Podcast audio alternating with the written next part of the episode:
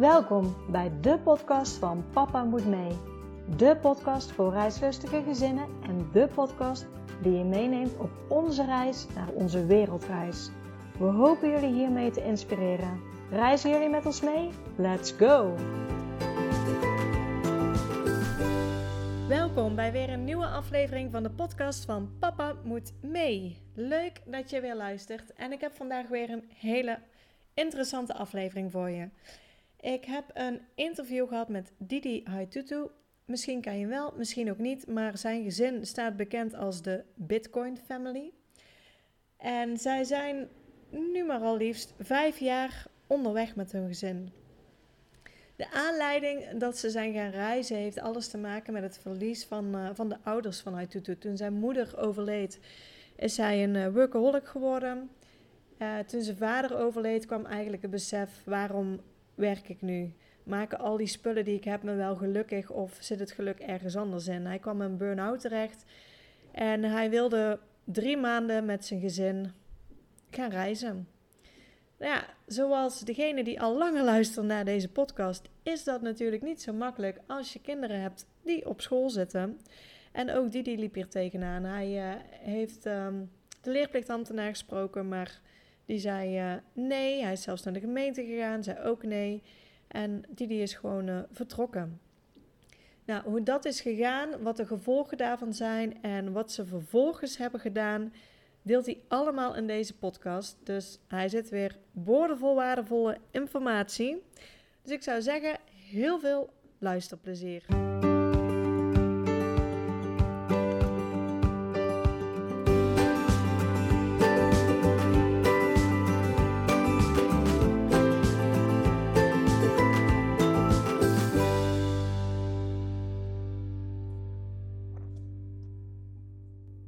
Didi, welkom bij de podcast van Papa Moet Mee.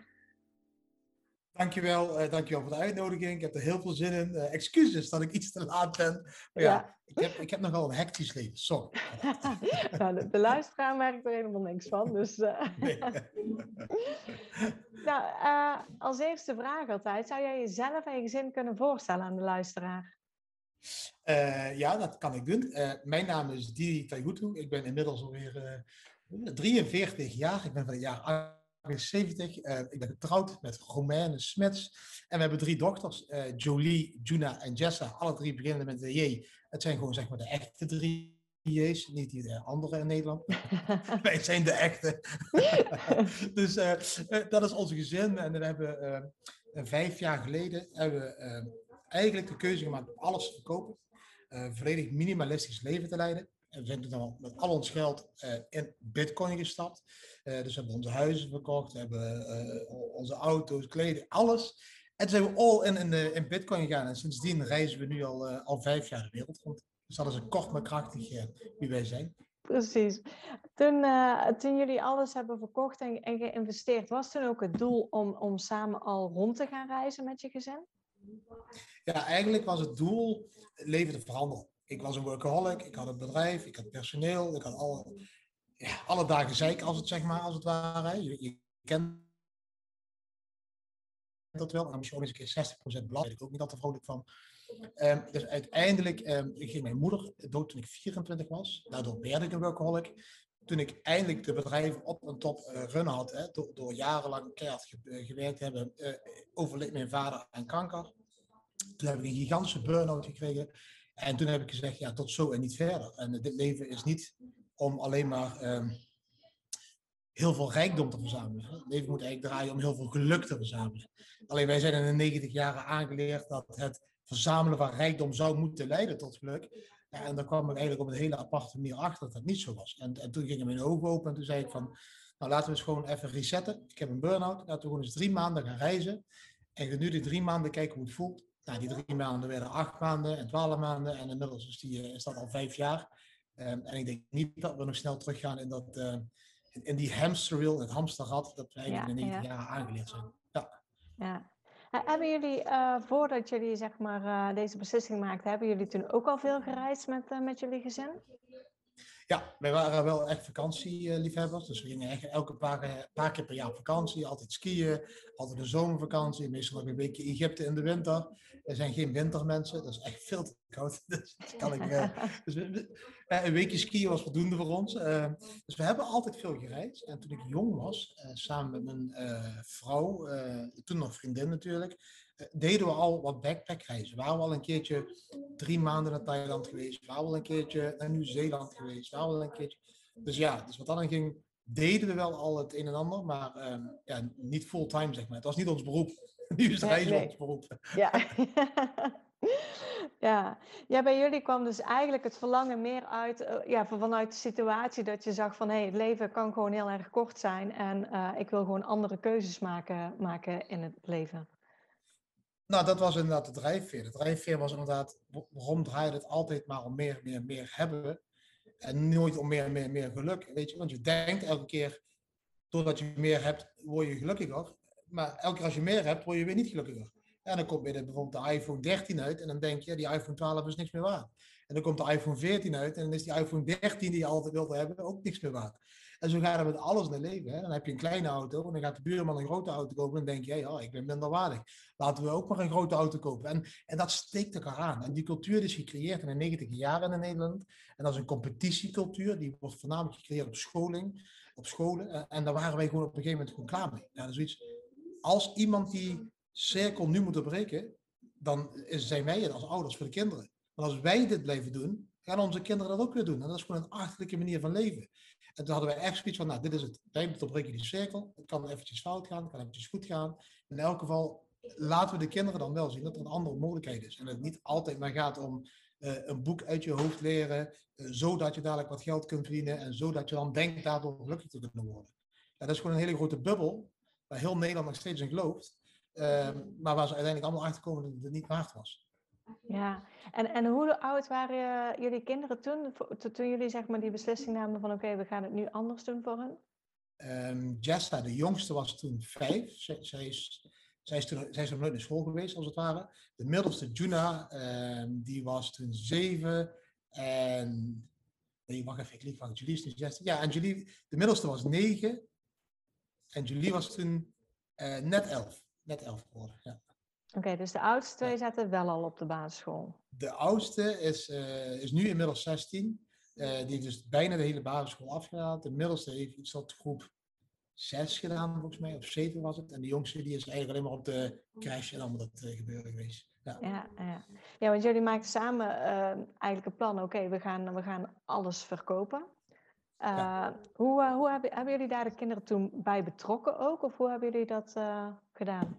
Nou, Nee, eigenlijk gewoon geleidelijk aan. Kijk, we hebben de kinderen op een gegeven moment gezegd, um, zoals het nu werkt, zijn wij eigenlijk niet heel tevreden. En wij willen eigenlijk een ander leven uh, als papa en mama zijnde. En we willen dat proberen, maar laten we dan avonturen maken. Hè. Laten we eens drie maanden op reis gaan. Hè, dan kunnen we naar de olifanten gaan, en dan kunnen we naar de apen gaan, en de krokodillen kun je zien. En hè, je gaat, we gaan gewoon op vakantie drie maanden.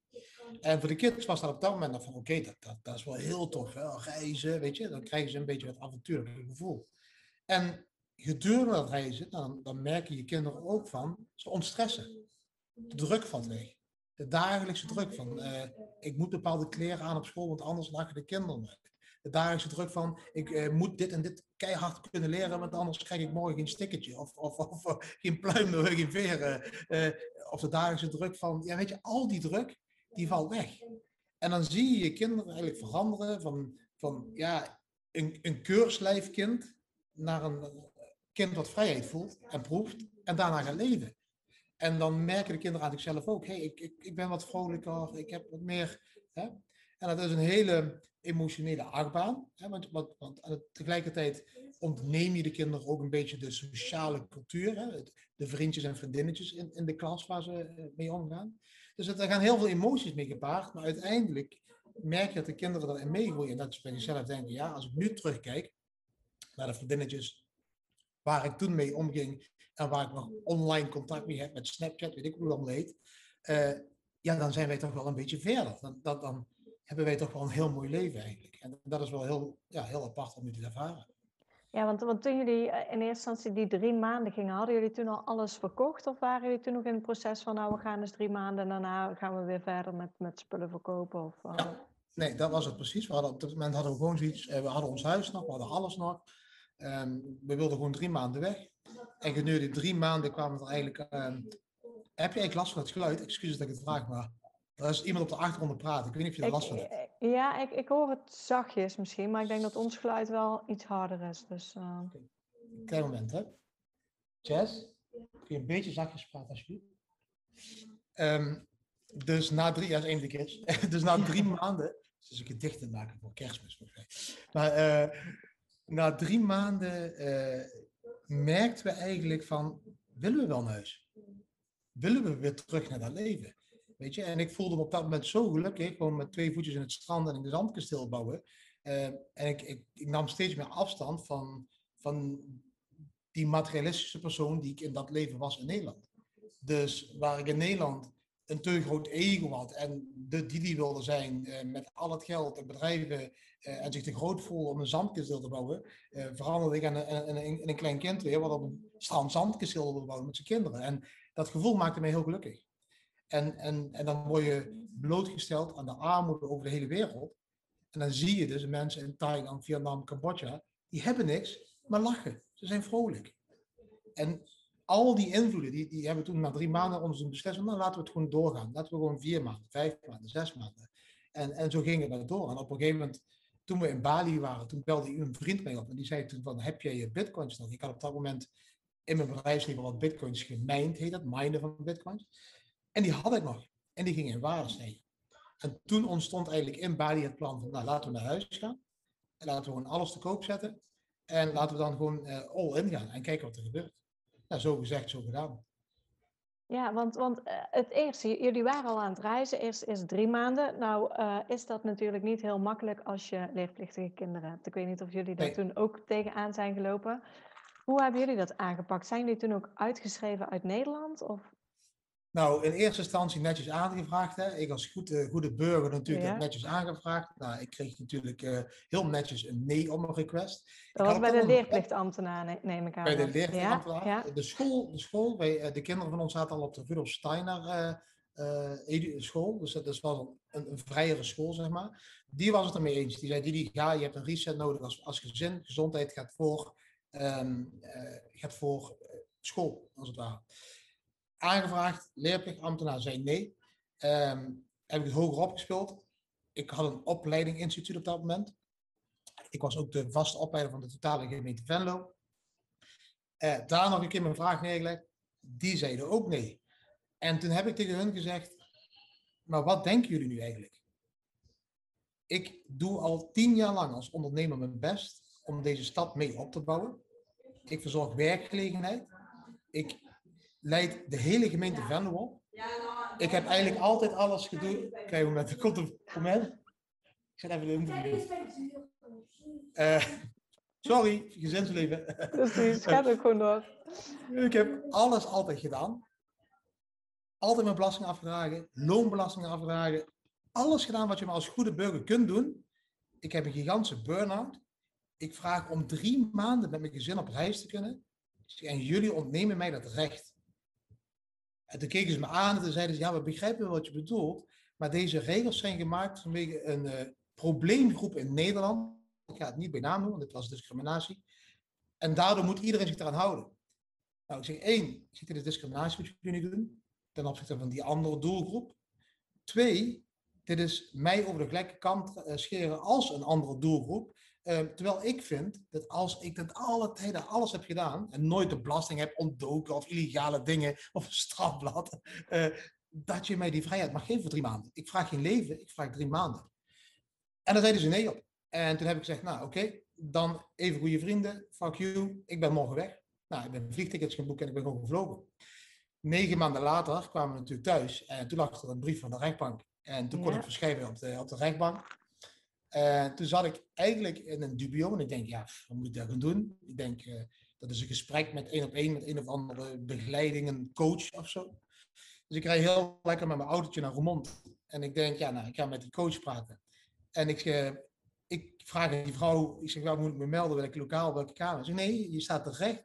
Ik zeg, terecht? En toen kwam ik dus echt een rechtszaal in voor het eerst in. En er zaten gewoon echt vijf rechters. En die zaten recht genomen, het waren vijf dames. En die zaten tegenover me en die zeiden van, uh, ik ging op de bankje zitten. Zei, nee, op het midden op die stoel gaan zitten. Ik zeg, voor wat? Ik zeg, wat kom ik hier doen? Ja, je hebt uh, een, uh, een strafbaar feit gepleegd. Ik zeg, ik heb een strafbaar feit gepleegd. Ik zeg, oké, dit, wordt, dit wordt lachen. Ik ben daar gaan zitten en toen werd inderdaad mij de strafzaak voorgelegd dat ik dus onrechtmatig de kinderen uit het schoolsysteem had meegenomen uh, en dat ik daar dus eigenlijk flink voor mijn vingers getikt moest worden, een boete voor kon krijgen, zelfs gevangenisstraf voor had kunnen krijgen. En toen heb ik hun gezegd, nou, ik zeg, ik zal jullie uitleggen wat er gebeurd is. Nou, toen heb ik, uh, om eerlijk te zijn, ook een beetje ingespeeld op de emotie van de vrouw. Vijf vrouwelijke rechters. Uh, dus ik heb toen gezegd van, luister, wat zou jij doen als je je moeder verliest en je vader verliest? En je hebt een burn-out. Zou je dan kiezen om voor de trein te springen? Of zou je om drie maanden te gaan reizen? Nou, uiteindelijk um, begrepen ze mijn verhaal. En op dat moment waren we op de wereld draait door en in het nieuws. Dus toen vroegen ze ook aan mij om niet aan de klok te hangen, maar dan kreeg ik dan ook wel geen boete en bla bla bla. Uh, ik kreeg wel voorwaardelijk, twee jaar. Oh, uh, twee jaar voorwaardelijke straf. Als ik het nog één keer deed, 30 dagen gevangenisstraf. En dat werd uitgesproken en toen ben ik naar de rechter toe gelopen, ben ik naar, naar voren gelopen. Ik zeg, nu moet u mij eens één ding uitleggen. Ik zeg, want die, die, die, die voorwaardelijke straf, ik zeg, eh, daar heb ik een probleem mee. Want ik ga morgen weer.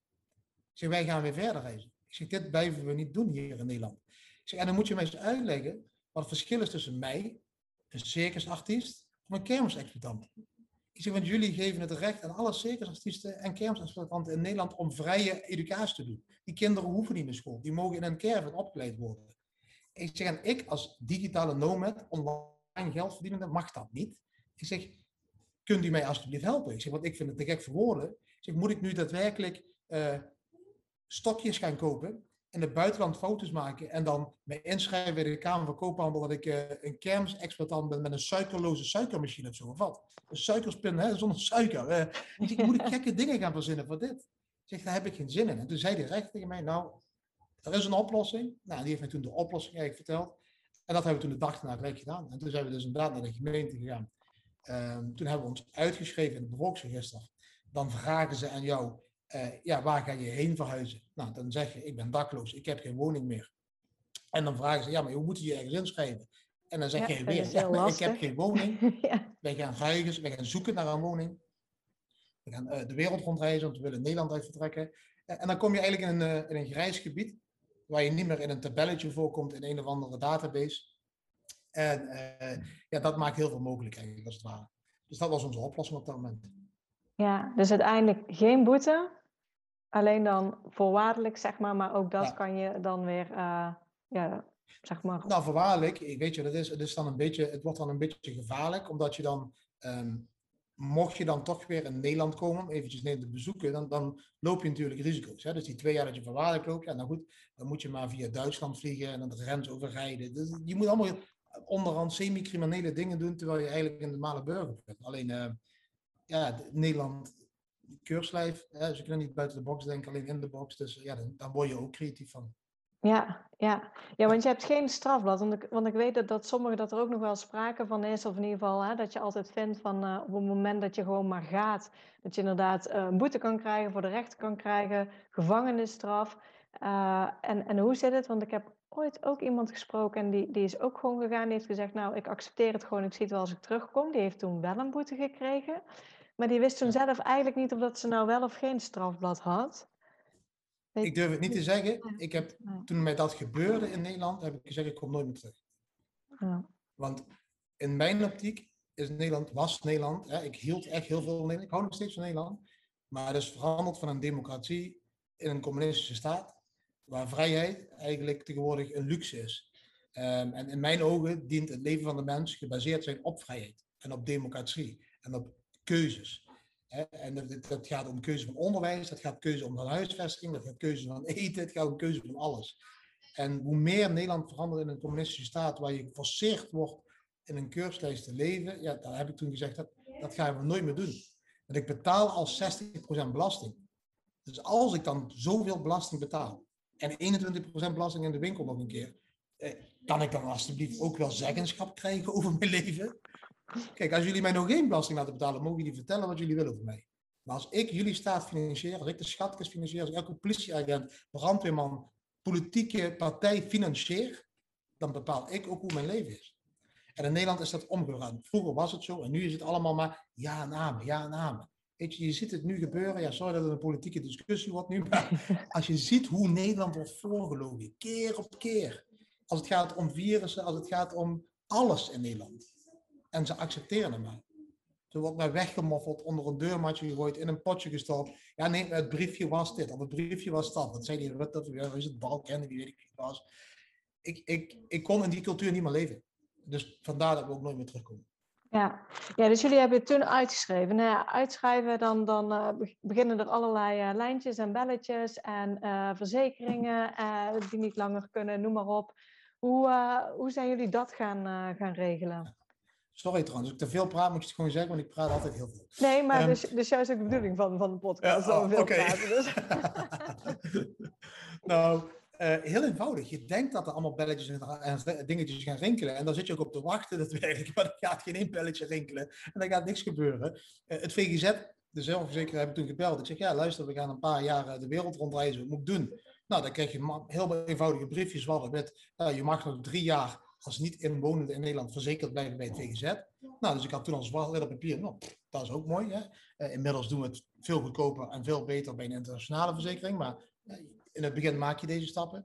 Ja. Um, dus dat was gelijk geregeld. En uh, ja, voor de rest was het puur alleen maar opzeggen van alles. Opzeggen van, van abonnementen, huizen, weet ik het allemaal. En um, er was voor de rest helemaal niks meer te regelen. De scholing ja, was, uitge, was geregeld, want de kinderen stonden niet meer ja. ingeschreven. En in Nederland is dat een heel apart iets. Hè. Je hebt, je hebt een hele ouderwetse database en dan hebben ze zeg maar eh, eh, de inwonenden van een dorp. En dat is een tabel met alle namen. En er zijn ook alle kinderen in. En dan hebben ze ook een tabel met alle scholen. En dan wordt het eigenlijk gewoon, er wordt een lijntje getrokken. Zit elk kind in die tabel op één van die scholen. Nou, als dat kind uit die tabel wordt getrokken, doordat je je uitschrijft, ja, kunnen ze geen lijntje meer trekken. uh, het, ja, het is een heel gek systeem. En, en dus eigenlijk ja, was er eigenlijk eh, voor ons de eerste drie jaar hebben we eigenlijk niks veranderd. Dat is alleen maar gewoon alles opgezet. Uh, en, en VGZ liep gewoon door. Oké. Okay. Hoe, uh, hoe hebben jullie het onderweg met, uh, met onderwijs gedaan? Um, de eerste anderhalf jaar tot twee jaar hebben we ze unschooling gedaan, noemt men dat, zeg maar. Ja. Dus het is eigenlijk het onstressen van het, van het schoolsysteem. Heb je ook echt nodig. Kinderen moeten er echt mee leren omgaan. En kinderen hebben echt zoiets van, oké, ik hoef dus nu niet, niet, elke dag te doen. die fase gaat dan over in de fase van, ah, ik wil toch wel weer wat gaan doen. En die fase gaat weer over, hé hey, papa, ik wil heel graag dit leren. En dat hele traject duurt zo'n anderhalf jaar. Dat ze een beetje onstress zijn, dat ze weer leergierig worden uit daadwerkelijke uh, behoeften, zeg maar. Niet doordat... Dat uh, iemand zegt wat ze moeten doen, maar dat ze echt zelf ja. gaan ontdekken. Ja. Ze willen echt gaan leren. En, en, dan, en dan komt je dochter en die zegt van, ah, ja, ik hoorde net bij de bar iemand praten over sterrenbeelden, wat is dat? Nou, en dan ga je daar zeg maar, met je kind over zitten. En dan, oh, dit zijn sterrenbeelden, deze sterrenbeelden hebben we, die zijn gebaseerd. En dan ga je samen op het internet kijken. Nou, zo, zo ga je dan zeg maar, met de kinderen steeds stap voor stap weer meer leren. De jongste, die kon bijvoorbeeld niet lezen en schrijven natuurlijk, hè, die had nog geen school gehad, uh, die kon na een jaar ongeveer reizen, lezen en schrijven. En dat hebben haar oudere zussen haar geleerd, met ons samen op het strand, lettertjes oefenen, A tot Z. Nou, op een spelende manier eigenlijk als ouder bezig zijn met je kind. Eigenlijk waarvoor je hebt gekozen om ooit kinderen te krijgen, zeg maar. Alleen, ja, tegenwoordig is het wat moeilijker. Tegenwoordig is het van zo'n mate een economie en cultuur gecreëerd, dat je kiest voor kinderen en dan vervolgens van de geboorte dump je ze op een kinderdagverblijf. Vervolgens dump je ze van een kinderdagverblijf eh, naar een school. En op die twee dingen worden de kinderen gevormd. En ze krijgen eigenlijk niet meer jouw eigen waarde normen mee. Omdat je al zo gestrest bent van alle uren die je moet werken. Dat je nog geen tijd meer hebt af en toe. Ja, dat je alleen nog maar tijd hebt om de kinderen achter behang te plakken. Bij wijze, weet je. En, en, en, dat verandert natuurlijk uh, ja, gedurende je reis. Dan merk je in één keer van, ook als ouders, oh, het is ook anders. Hè? Dan moet je ook weer aan wennen. Hè? Van een ja, situatie waar je met collega's zit elke dag, tot een situatie waar je met je kinderen bezig bent. Dat is een hele leuke, eigenlijk een hele mooie uh, weg die je bewandelt als gezin. Ja, ja.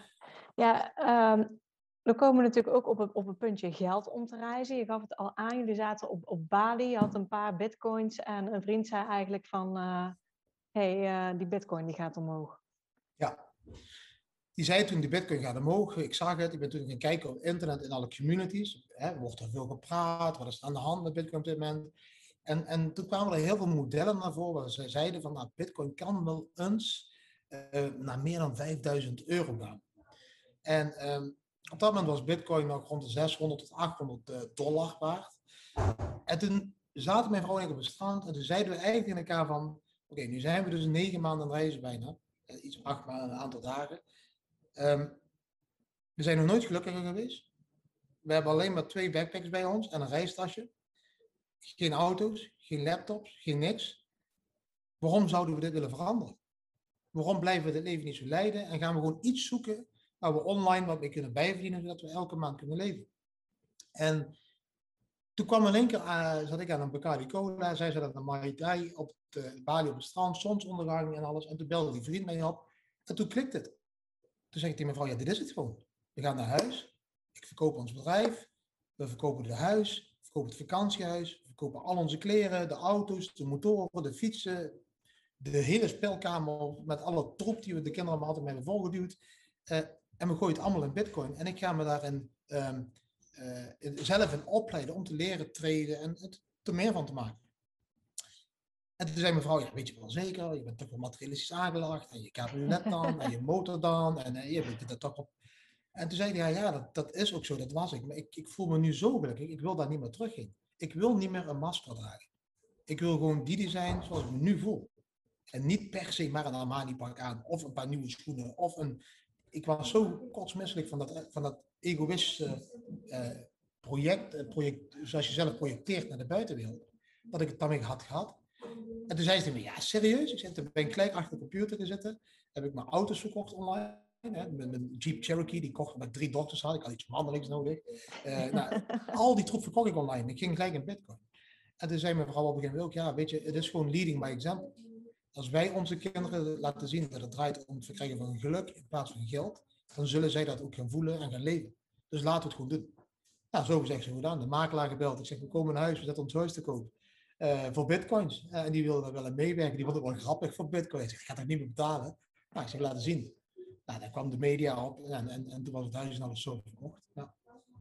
ja. En toen ja, zaten we op bitcoin rond 3000, tussen de 900 dollar en 3000 zijn we ingestapt. Nou, Bitcoin ging steeds hoger, hoger, hoger. Toen zat het op 6000 dollar. Toen kwam het daarachter. Ah, ik heb nog een pensioen. En die man van het pensioen gebeld. Ik wil een pensioen vroegtijdig eruit hebben. Ja, die gast, die gast zegt, ja, dan krijg je 40% boete. Ik zeg, pak ik. Ik zeg, ga eens een bitcoin stoppen. Ik ga het verdriedubbelen in een paar maanden. Nou, die man begint je uit te lachen. Nou, pensioen gepakt, 40% boete betaald. In bitcoin gestopt. Uh, toen kwamen we erachter dat we nog een spaarrekening hadden van de kinderen, waar we helemaal niet wisten dat er elke maand nog geld opgestort werd. als ondernemer doe je allemaal van die degelijke dingen, dat er elke keer maar veiligheid wordt ingebouwd en pensioengeld en al die onzin. Nou, dus die rekening, ik kijk mijn moeder, mijn, vrouw en ik zei, nou, spaargeld van de kinderen erin. Nou, dat, dat vond ze dan wat minder fijn eigenlijk. Dus dat was het eerste wat ze zei, nou, moeten we dat wel doen? Ik zeg, boem, op die knop, gedaan, done that. En toen zaten we all in tot de 6000 dollar hebben we ingekocht. Nou, toen ging Bitcoin in twee maanden tijd naar 20.000 dollar. Ja, dan zie je gewoon je vermogen keer drie gaan. Uh, en dan denk je, ja, dat was toch wel een goede stap gedaan. Ja. dan kun je daar weer van gaan reizen. Ja, ja.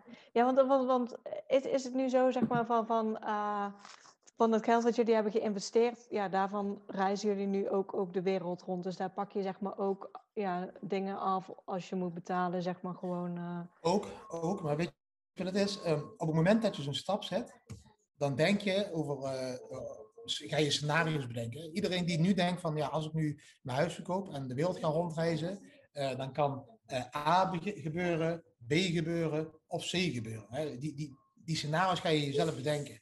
Ja. Uh, waarschijnlijk gebeurt X. Want je kunt dat niet voorspellen. En dat was bij ons hetzelfde. Wij dachten, ja, en dan gaan we digital nomad worden, of gaan we dit doen, of gaan we uh, uh, vrijwilligerswerk hier en daar doen. En dan word je gewoon uit het niets gebombardeerd tot een Bitcoin family, waar in één keer een verdienmodel wordt, waardoor je in de media komt, documentaires gemaakt worden, waardoor je in het nieuws komt, op televisieprogramma's, waar je van denkt van, dat had ik toch nooit kunnen verwachten. En zo neemt het leven je dan eigenlijk, doordat je je aansluit op een bepaalde flow van energie, neemt het leven je mee naar de richting waar je heen moet. En dan wordt het allemaal heel eenvoudig. En dan al die dingen die je uitgestippeld had en gepland had, eh, die veranderen. En dat is gewoon heel gek. En, en, ja, op, op een gegeven moment zijn we daar dus heel veel bitcoins mee gaan verdienen. Ja, doordat je eigenlijk ook gaat vloggen, gaat bloggen, al die dingen gaat doen. En dan wordt het eigenlijk het reizen, zeg maar, je werk. Ja, heel apart. Ja, ja jullie zijn toen eerst eens uh, ja, voor drie maanden vertrokken, wat uiteindelijk negen maanden is, is uh, ja, gebleken. Toen zijn jullie even teruggekomen, alles verkocht en, en weer gegaan. Hoe, uh, hoe hebben jullie reizen eruit gezien? Welke landen hebben jullie allemaal bezocht met elkaar? volgens mij, ik, ik, de kids hebben vorige week geteld. Volgens mij hebben we nu 42 landen gedaan. Dus in de laatste vijf jaar, dus dat zijn er toch aardig wel wat. Um, we hebben een tour door Europa gedaan met een camper. Hè, dus, dus eigenlijk alle landen van, van Noorwegen zeg maar, tot Portugal tot Turkije. Uh, dus, dus alles ertussenin hebben we eigenlijk gezien in Europa. Um, we zijn naar Australië gegaan. Daar hebben we een maand of vier of vijf volgens mij. Even goed nadenken. Vier maanden volgens mij de hele uh, kust van Sydney uh, helemaal tot Cape Tribulation gedaan eigenlijk. De hele Noord-West Coast eigenlijk als het ware. Ja. Um, we hebben eh, Azië volledig gedaan. Dus we zijn eigenlijk eh, Thailand, Cambodja, Vietnam, de Filipijnen, Indonesië. Um, al die landen eigenlijk gedaan. En toen zijn we pas naar eh, de kant van Zuid-Amerika. Dus waar we nu zitten, zeg maar, nu zitten we in Mexico op dit moment. Um, nou, hier hebben we nu Mexico gedaan. En we willen nu heel graag via El Salvador naar Costa Rica toe gaan. En dan weer gewoon eventjes verder kijken hoe en wat. Eh, we, hebben het reizen een beetje aangepast aan de situatie nu omtrent de lockdowns en die griep die overal heerst. Dus uh, ja, we hadden op een gegeven moment een Jeep, uh, een Land Rover gekocht. En daar wilden we de wereld mee rondrijden. En dat is eigenlijk, um, daar zijn we mee beginnen te rijden. Een hele mooie Land Rover. Tot in Bulgarije kwamen we toen.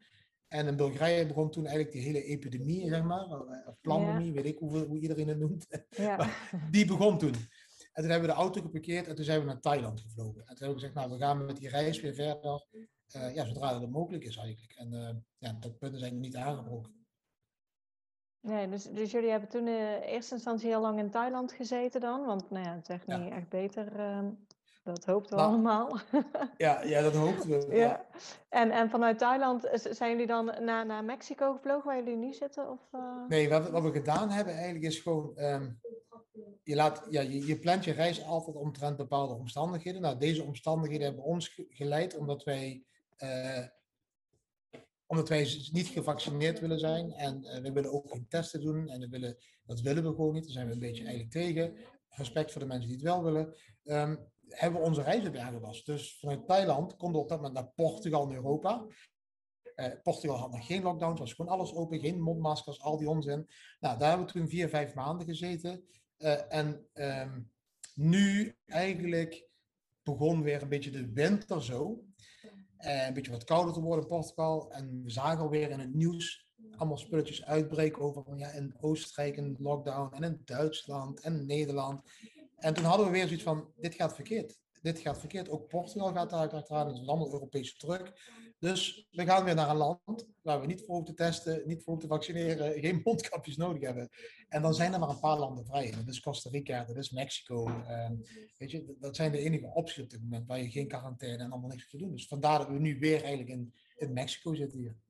Ja, ja, en, en nou ja, los dan even van, van corona, wat nu alles is. Want normaal, zeg maar, overleggen jullie met het gezin naar, naar welke jullie landen jullie nog graag toe willen? Of uh, hoe maken jullie het keuze? Uh, nee, we gaan echt met de wind mee. Net hoe het komt. Het is echt, dan worden we in één keer uitgenodigd. Dan bellen ze ons op vanuit Amerika. Hey, vind je het leuk om met je gezin hier een tour te doen? Wij sponsoren het. Als je de logo van onze bedrijf op jullie auto plakken. En dan gaan we daarop in. Weet je, we hebben op een gegeven moment gezegd, uh, laten we eens gewoon op alles in het leven ja zeggen.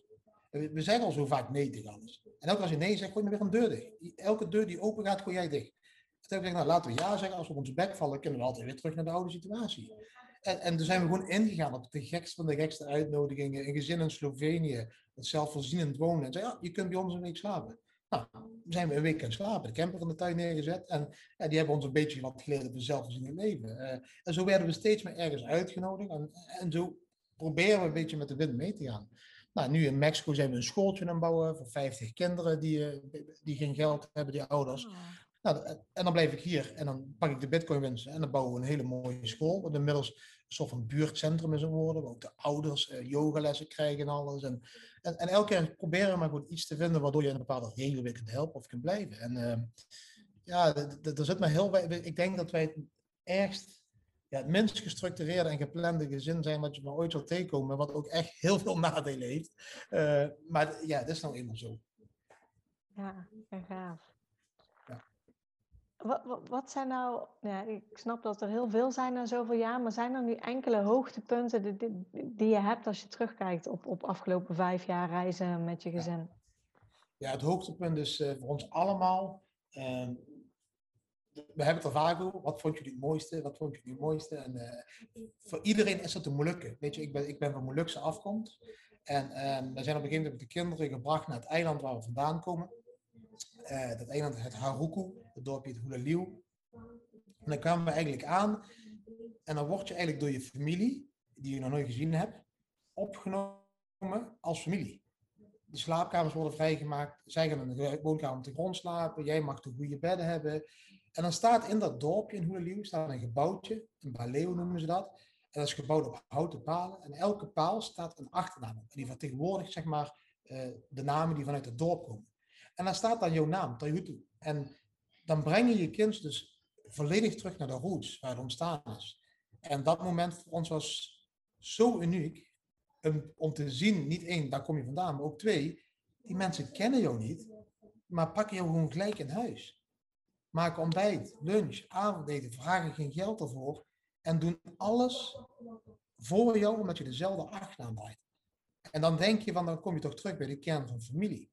Daar is, dat is precies waar het zou om moeten draaien. In elk land. En daar zijn we als westerse wereld zo ver van afgeweken, dat je dat heel emotioneel beleeft in die oosterse wereld. En, en dat is voor ons allemaal het hoogtepunt geweest dat we dachten van, dit kan toch niet? Weet je, in Nederland zou je vriend of je beste vriend of je neef of je ex, zou, zou je nog geld vragen voor de boodschappen, weet je? Ja. als je mij slaapt, moet je ook wel even wat boodschappen meedragen. Nou, dat geval. Dus dat was voor ons, ja, dat was het hoogtepunt. En het tweede hoogtepunt was voor de kinderen Australië. Ja, dat was gewoon voor hun een reis in een dierentuin. Dat was, uh, ja. ja, ze zegt, dat, dat gaat lekker zo. Je krijgt gewoon de kakatoes die over je heen vliegen, de kangoeroes, de krokodillen. Het loopt er allemaal maar rond. Dus dat was voor, een, uh, en voor ons ook echt een hele mooie uh, beleving, dat we lang van gedacht hebben, daar gaan we terug heen. Uh, maar op dit moment is dat dus ook niet mogelijk, dus dat gaan we niet doen. Nee, nee ze zijn heel streng daar. Uh, ja. ja. Hoe, uh, hoe zie jij dat, dat jouw kinderen, zeg maar, we hebben het er al een beetje over gehad, maar, maar hoe zie je dat die nou echt gegroeid zijn door het reizen? Je, je merkt het, nou, bijvoorbeeld de laatste keer zijn we, vier maanden hebben we nu Portugal gehad. En toen Bitcoin stond heel hoog. Toen heb ik besloten mijn vrienden en mijn kennissen en uh, familie allemaal over te vliegen. Ik heb een heel groot huis gehuurd. Ik denk jullie zijn allemaal welkom. Komen met onze vakantie weer in Portugal. En dan uh, tref je dus weer de neefjes en nichtjes van dezelfde leeftijd. En dan zie je het verschil. Dan zie je het verschil um, tussen een kind wat denkt te moeten laten zien wat ze allemaal geleerd heeft op school.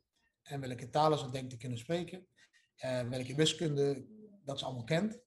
En een kind, ehm, als mijn dochter, de jongste, die dan zegt van, dat is leuk dat je het kent, maar ik heb Siri. Uh, en, en dan merk je, weet je, in, in levenslessen zijn mijn kinderen verder. Die, die, die, die lezen mensen, die zijn sociaal wat anders, die uh, zijn wat creatiever in mijn optiek in het, in, in het accepteren van tegenslagen en al die dingetjes. Aan de andere kant zijn ze echt niet zo snel aan wiskunde zoals een kind wat in Nederlandse school is. Weet je, dat, natuurlijk kennen die kinderen Nederland de stelling van Pythagoras en weet ik het allemaal. Um, en dat is een groot verschil. En dat, dat, dat, dat, merk je. En dan merk je ook weer eventjes van, als ah, je in Nederland is nog die competitie eraan. Ik kan het beter. Ik ben beter. Ik moet beter zijn. En mijn kinderen hebben dat niet. Mijn jongste zegt dan gewoon, ja, oké. ja, leuk. Uh, fijn. Uh, jij kunt snel lezen. Uh, ja, ik heb een, een luisterboek. Weet je, het is, het is heel leuk om te zien. En dan, en dan gaan ze gewoon goed mee om. Uh, wij waren er heel bang voor. Wij dachten echt van, oh, gaat mijn jongste dadelijk zich minder voelen? Door, door het feit dat ze niet zo snel kan lezen of rekenen. Maar zij pakte, dat, zij pakte dat zo mooi op. Ze zei gewoon, nou hier Siri, wat is 1 miljoen keer 7 gedeeld door 54 keer plus 60? En dat kreeg het antwoord in een seconde en zeg ja, waarom wil je dat je hoofd kunt? Weet je? en, en, dan denk ik, ja, wij praten heel veel met de kinderen over de toekomst. hoe gaat de wereld uitzien? En dan denk ik, ja, waar zijn we mee bezig? En wat is het klassikale lessysteem gebouwd? Um, dus ik merk dat ze groeien als persoon. Um, meer in hun ik staan, meer, uh, minder faalangst hebben. Weet je? Ze zijn heel zeker van, van wat ze willen en wat ze doen en hoe ze het doen. Uh, en, aan de andere kant zijn ze wat minder snel gegooid in, uh, ja, in het memoriseren van, uh, van boeken en andere dingen. Ja. Nemen jullie je kinderen ook mee in, in investeren, zeg maar? En, ja. en, en hoe, hoe, je dat doet? Ja, ja de kids, wij vinden het heel belangrijk om Um, maar dat komt meer uit ons geloof in Bitcoin als het ware. Hè. We, um, ik ben ervan overtuigd dat Bitcoin over vier, vijf jaar tussen de 500.000 dollar tot 1 miljoen dollar waard zal zijn per Bitcoin. Um, al mijn kinderen uh, bezitten inmiddels uh, één of meer Bitcoins. de wereld die verandert in een heel langzaam in een decentrale vaak te digitale wereld, hè, eh, de metaverse zullen we maar zeggen, hè, waar kinderen meer geven om hun avatar in Robux dan om een nieuwe Nike's op straat. Um, en dan moet je je kinderen meeleiden. En dus ik, ik vertel mijn kinderen altijd, je kunt werken voor het geld, of je kunt het geld laten werken voor jou. En, en dat is heel klein begonnen, door te zeggen van nou, doe je verjaardagsgeld eens in bitcoin. En in totaal stopt dan bijvoorbeeld de oudste 1000 dollar in bitcoins, van een babysitgeld, verjaardagsgeld, alle dingetjes. En die 1000 dollar zijn inmiddels door dat bitcoin gestegen 6000 dollar. Kijk, en dan probeer ik haar uit te leggen, kijk wat je gedaan hebt. Is je kapitaal. Kapitaal is gaan werken en heeft nu 6000 dollar, 5000 dollar winst gemaakt voor jou. En dat is waar de wereld heen gaat. Kijk, het is um, artificial intelligence gaat het overnemen en robots van de mensen. Auto's worden niet meer geproduceerd door mensen, maar door robotarmen. Uh, alle aspecten in ons leven gaan daar langzaam in mee. Dus waarom zou jij dan nog fysieke arbeid doen als jij die robots, die AI, eh, artificial intelligence dingetjes, kunt laten werken voor jou? Die doen voor mij het treden. Ik doe niet meer treden. Mijn telefoon staat aan en dat is mijn beste uh, werknemer uh, die er maar is. Die heeft nooit koppijn, die is nooit zwanger, die heeft nooit gezegd, die wil nooit vakantie, die werkt 24 uur en die verdient geld. Die maakt meer geld van mijn bitcoins. En dat is waar we de kinderen een beetje proberen te voor te bereiden. Weet je, dat je de, de, de wereld zo erg verandert dat het hebben van bezit ook niet meer belangrijk is. In elke wereldstad, en ik denk ook in Nederland inmiddels, in, in Amsterdam en zo, uh, als je vervoer nodig hebt, dan pak je een step en die scan je met je telefoon. En dan ga je steppen van A naar B, zo'n motorstep. En dan zet je hem neer en je betaalt de gereden kilometers. Die step is nooit jouw eigendom. Maar het voorziet je wel van de luxe die je nodig hebt uh, om je te vervoeren. Die step, dat gaat nu dadelijk naar de auto's, dat gaat naar huizen, dat gaat naar alles. Jij scant in de toekomst met een telefoon, een huis, en je maakt gebruik van het huis uren, maanden, weken, en je betaalt die uren, maanden, weken.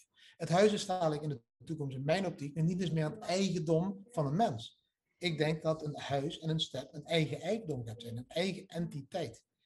En uh, op die toekomst proberen wij de kinderen eigenlijk een beetje voor te bereiden en hun uit te leggen, het leven van een minimalistisch leven zonder eigendom, betekent niet dat je arm bent, het betekent dat je geen bezit wilt hebben.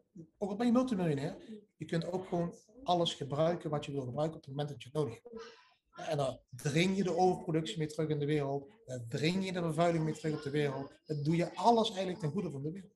Dus ik probeer ze, ja, proberen ze een beetje te begeleiden in, in die trant eigenlijk. Ja. Met, uh, met hoeveel spullen reizen jullie nu? Uh, nou, dat is wel uh, wat meer geworden. We zijn begonnen met 2,5, uh, twee backpacks en een reistas waar we mee begonnen. Die kids zijn nu inmiddels pubers, hè, dus die gebruiken ook make-up tegenwoordig. En, dat, is vaak al, dat is al vaak een koffertje vol.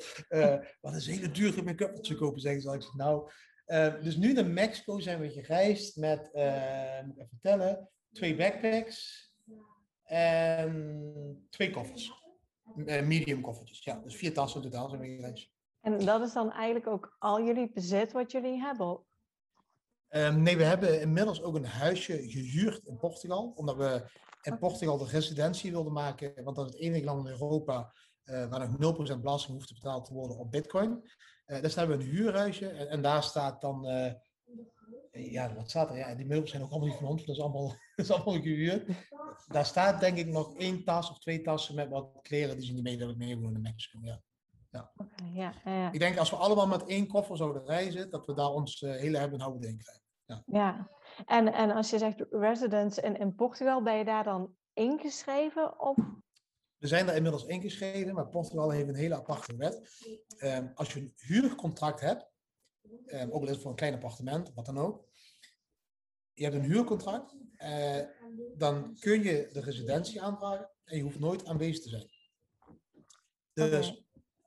En die kennen dus ook geen leerplicht en schoolplicht zoals wij dan in Nederland weer. Uh... Uh, ligt daar een beetje ertussenin.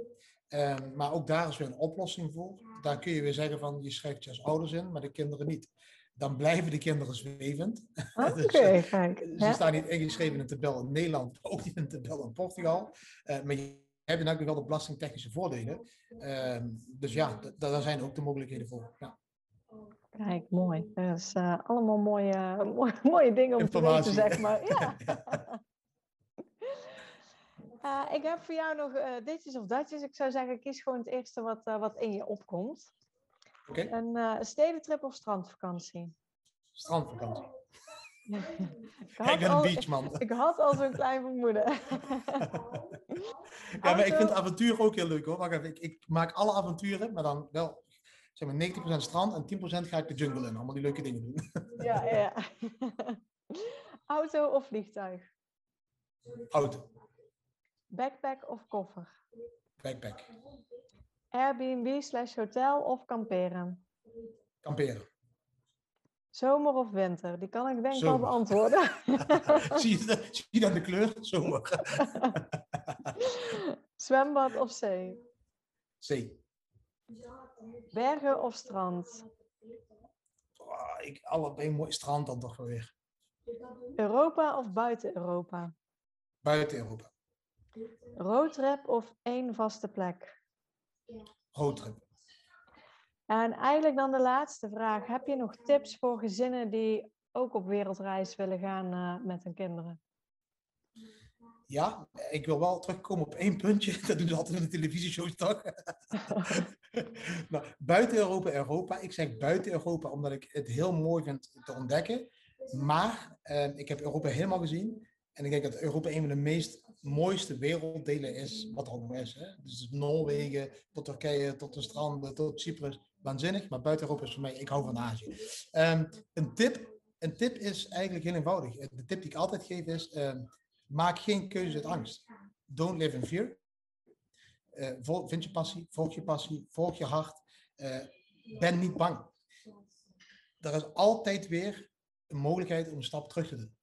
En dat is wat mensen vaak vergeten. Ze zijn bang dat als ze een reizend bestaan gaan leven, een tijdje, dat ze nooit meer terug kunnen. Je kunt altijd terug. Je kunt altijd terug. En als je die gedachte hebt, hè, dat je een straat in loopt en dat je het einde van de straat altijd rechtsaf of linksaf kunt, of de kruising kunt oversteken, of weer terug kan, dan weet je ook dat dat in het leven kan. En dat, dat is denk ik de angst die je moet verliezen. De angst voor het onbekende. Als je dat verliest, dan wordt het allemaal zo eenvoudig.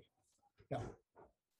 Ja, mooi. Het is vaak dat de mensen bang zijn voor iets wat ze zich bedenken dat ze bang zijn. Weet je? Ze hebben het zelf nooit meegemaakt. En dat moeten mensen leren. Ja, je kunt bang zijn voor een tijger, omdat je op televisie hebt gezien dat die, die tijger jou kan aanvallen. Maar als jij zelf nooit een tijger hebt meegemaakt in het echte leven, weet je niet of je er echt bang voor zijn. Dus het begint als bang te worden als je daadwerkelijk zelf in een scenario hebt gezeten waar je weet van oh, dat geeft angst. Maar niet uit een denkbeeld. Dat is, dat is, dat is heel dom. Ja, en ze zeggen vaak dat mensen zich uh, altijd heel druk maken om uh, allerlei angsten waarvan uh, ja, nog maar een heel klein percentage eigenlijk bijna niks nooit gebeurt. ja, Precies. En dat moet je verliezen. En dat is hetzelfde als met bungee jumpen, zeg ik altijd. Je loopt die, loopt die ladder op. Ja, de dag van tevoren dat je weet dat je gaat bungee jumpen. Je scheidt je al drie keer in je broek. En dan ga je die trap op, scheid je nog een keer in je broek. En dan sta je op de plateau en denk je, ja, allemaal nooit niet. En dan krijg je één zetje en dan spring je. En dan beleef je het meest vrije gevoel ooit. En uh, dan zeg je nog een keer, nog een keer, nog een keer. En, en dat is hetzelfde met reizen. Die eerste stap, dat is de moeilijkste. Maar heb je die stap genomen, um, wil je nooit meer terug. Ja, ik denk dat dat mooie woorden zijn om, uh, om mee af te sluiten. Ik wil jou ontzettend bedanken voor je tijd en uh, alle informatie en tips die, uh, die je hebt gedeeld. Super, mooi. Heel graag gedaan. Bedankt voor het luisteren naar deze podcast. Ik zou het heel leuk vinden als je ons volgt op Instagram. Papa moet mee. Deel deze vooral in je stories als je hebt geluisterd en tag ons en laat ons weten wat je ervan vond. Tot de volgende keer.